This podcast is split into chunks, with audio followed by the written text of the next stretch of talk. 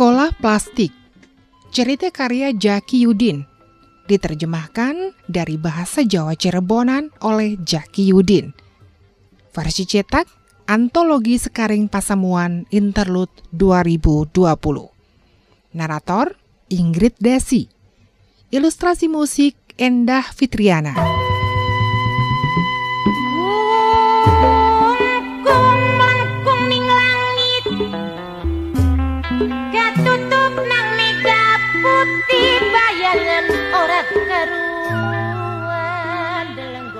Sorot matanya tajam dengan lengkung bibir menyeringai.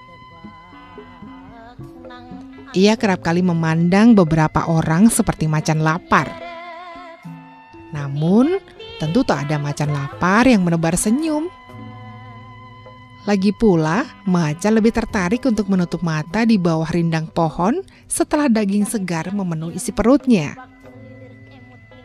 Pun demikian seperti macan, ia terduduk di bawah pohon rindang itu. Tatapan matanya kosong. Plastik bekas digenggamnya erat dengan jemari mungilnya. Jemari yang kuku-kukunya memiliki ceritanya sendiri. Kehitaman di kukunya menandakan bahwa ceritanya begitu basah di tanah kekeringan. terdengar bunyi peraduan besi dengan sebongkah batu. Jejak-jejak kalas kaki semakin nampak di atas tanah yang dipenuhi debu. Ya, anak-anak sekolah itu seperti keluar dari sel tahanan yang maha menjemukan. Di rogohnya sesuatu dalam saku celana yang lusuh itu untuk ditukarkan dengan sebuah air berwarna dalam kantong plastik dan koran bekas yang ditindih jajanan berminyak.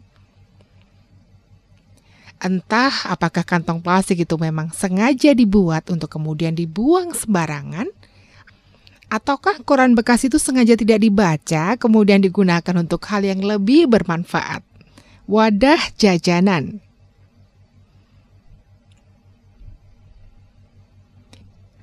Riuh suara anak-anak mengangkasa melalui mulut-mulut yang penuh kunyahan itu.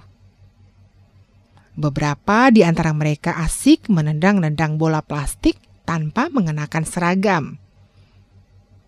Beberapa yang lain membawa jajanan ke dalam kelas. Sekelompok siswa membawa kantong plastik hitam dan melangkah ke belakang toilet sekolah. Seorang guru tengah mengepulkan asap di depan pedagang yang tengah melayani pelanggan setianya. Ia tetap duduk di bawah pohon itu. Matanya tajam menatap panasnya muka sekolah itu. Ia tidak seberuntung anak-anak itu yang tertawa lepas, bermain, belajar, dan berkelompok dengan sesamanya. Ia ingin sekali ikut bergabung bersama anak-anak itu melawan sengatan matahari, lalu duduk minum untuk memanjakan tenggorokan. Kembali ke kelas dengan keringat yang menetes dari dahi anak-anak yang masih reka itu. Dan tentunya menerima pelajaran dari guru muda yang digaji seadanya. Ia kemudian berdiri niat hati untuk lebih mendekat dengan anak-anak itu tetapi ia terdiam, langkahnya terhenti oleh pikirannya. Pikirannya memutar kembali memori dalam otaknya pada kejadian saat itu. Ia mencoba untuk ikut berbaur dengan anak-anak itu, tetapi mereka malah menjauh seolah melihat macan yang tengah lapar. Meskipun senyumnya telah ia lempar kepada setiap mata yang mengarah padanya. Tetapi tetap saja tak ada yang mau menemaninya bermain. Mereka tidak mau ada sapi ungu di antara sapi putih lainnya. Ketika semua menjauh, seorang anak laki-laki dengan seragam yang lusuh celana yang diikat dengan tali, dan beralas kaki menganga mendekatinya. Anak itu memberikan sebuah pisang goreng dan sedikit air sisa yang telah ia serap sebelumnya dalam kantong plastik. Sambil menggerakkan tangannya dan menunjuk koran yang ditindih pisang goreng serta plastik wadah air itu dan mengarahkannya ke tempat pembuangan sampah di sebelah gudang sekolah. Lalu anak itu meninggalkannya diiringi suara peraduan besi dengan sebongkah batu. Ia melempar senyum yang dipunggungi anak laki-laki itu. Sejak kejadian itulah otaknya merespon agar tidak melanjutkan langkah kaki menuju anak-anak itu. Bola matanya berguling-guling ke kanan dan ke kiri untuk menangkap wajah anak laki-laki yang peduli padanya saat itu. Sudah kali ke-17 ia datang dan duduk di bawah pohon rindang ini untuk bertemu dengan anak-anak laki itu. Tapi hasilnya nihil. Anak itu hilang entah ke mana. Ia kembali duduk, masih menggenggam erat plastik bekas di tangannya. Bunyi yang tak asing terdengar oleh telinga menggaung di udara. Para anak itu berbondong-bondong pergi ke kelas masing-masing. Tentu saja meninggalkan plastik bekas, gelas kemasan plastik bekas, robekan koran berminyak, dan tentunya debu yang berterbangan dihempas angin. Pendidikan pengetahuan dan keterampilan memang berhasil di sekolah itu. Tetapi kepedulian terhadap lingkungan gagal. Guru muda berjalan melewati setiap kelas. Matanya memicing ke arah lapang muka sekolah itu. Lalu ia menundukkan kepala.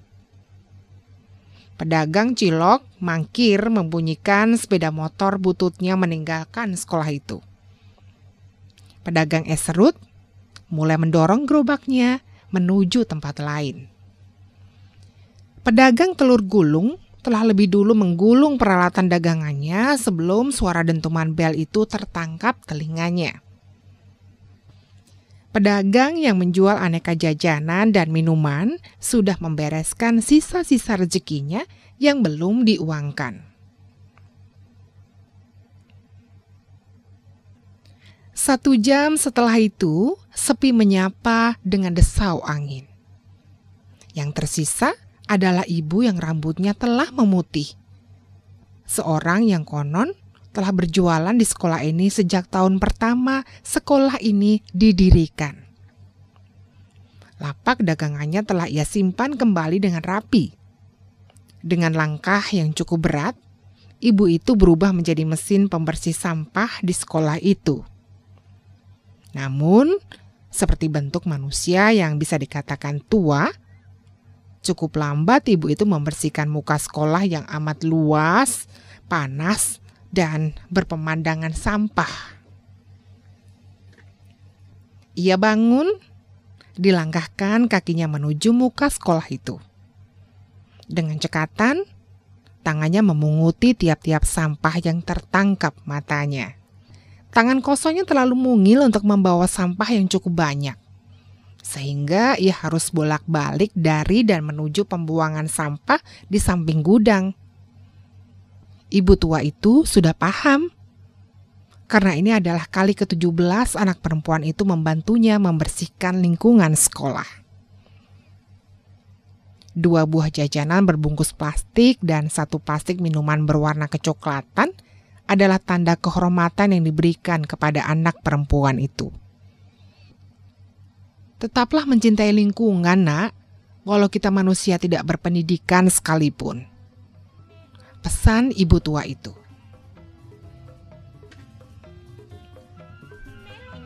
Di balik pohon rindang, sepasang mata anak laki-laki mengarah tajam kepada mereka berdua. Lalu dua bibirnya dilengkungkan. Lalu pergi bersama besi panjang berbentuk huruf L di tangannya dan memanggul sebuah karung di punggungnya.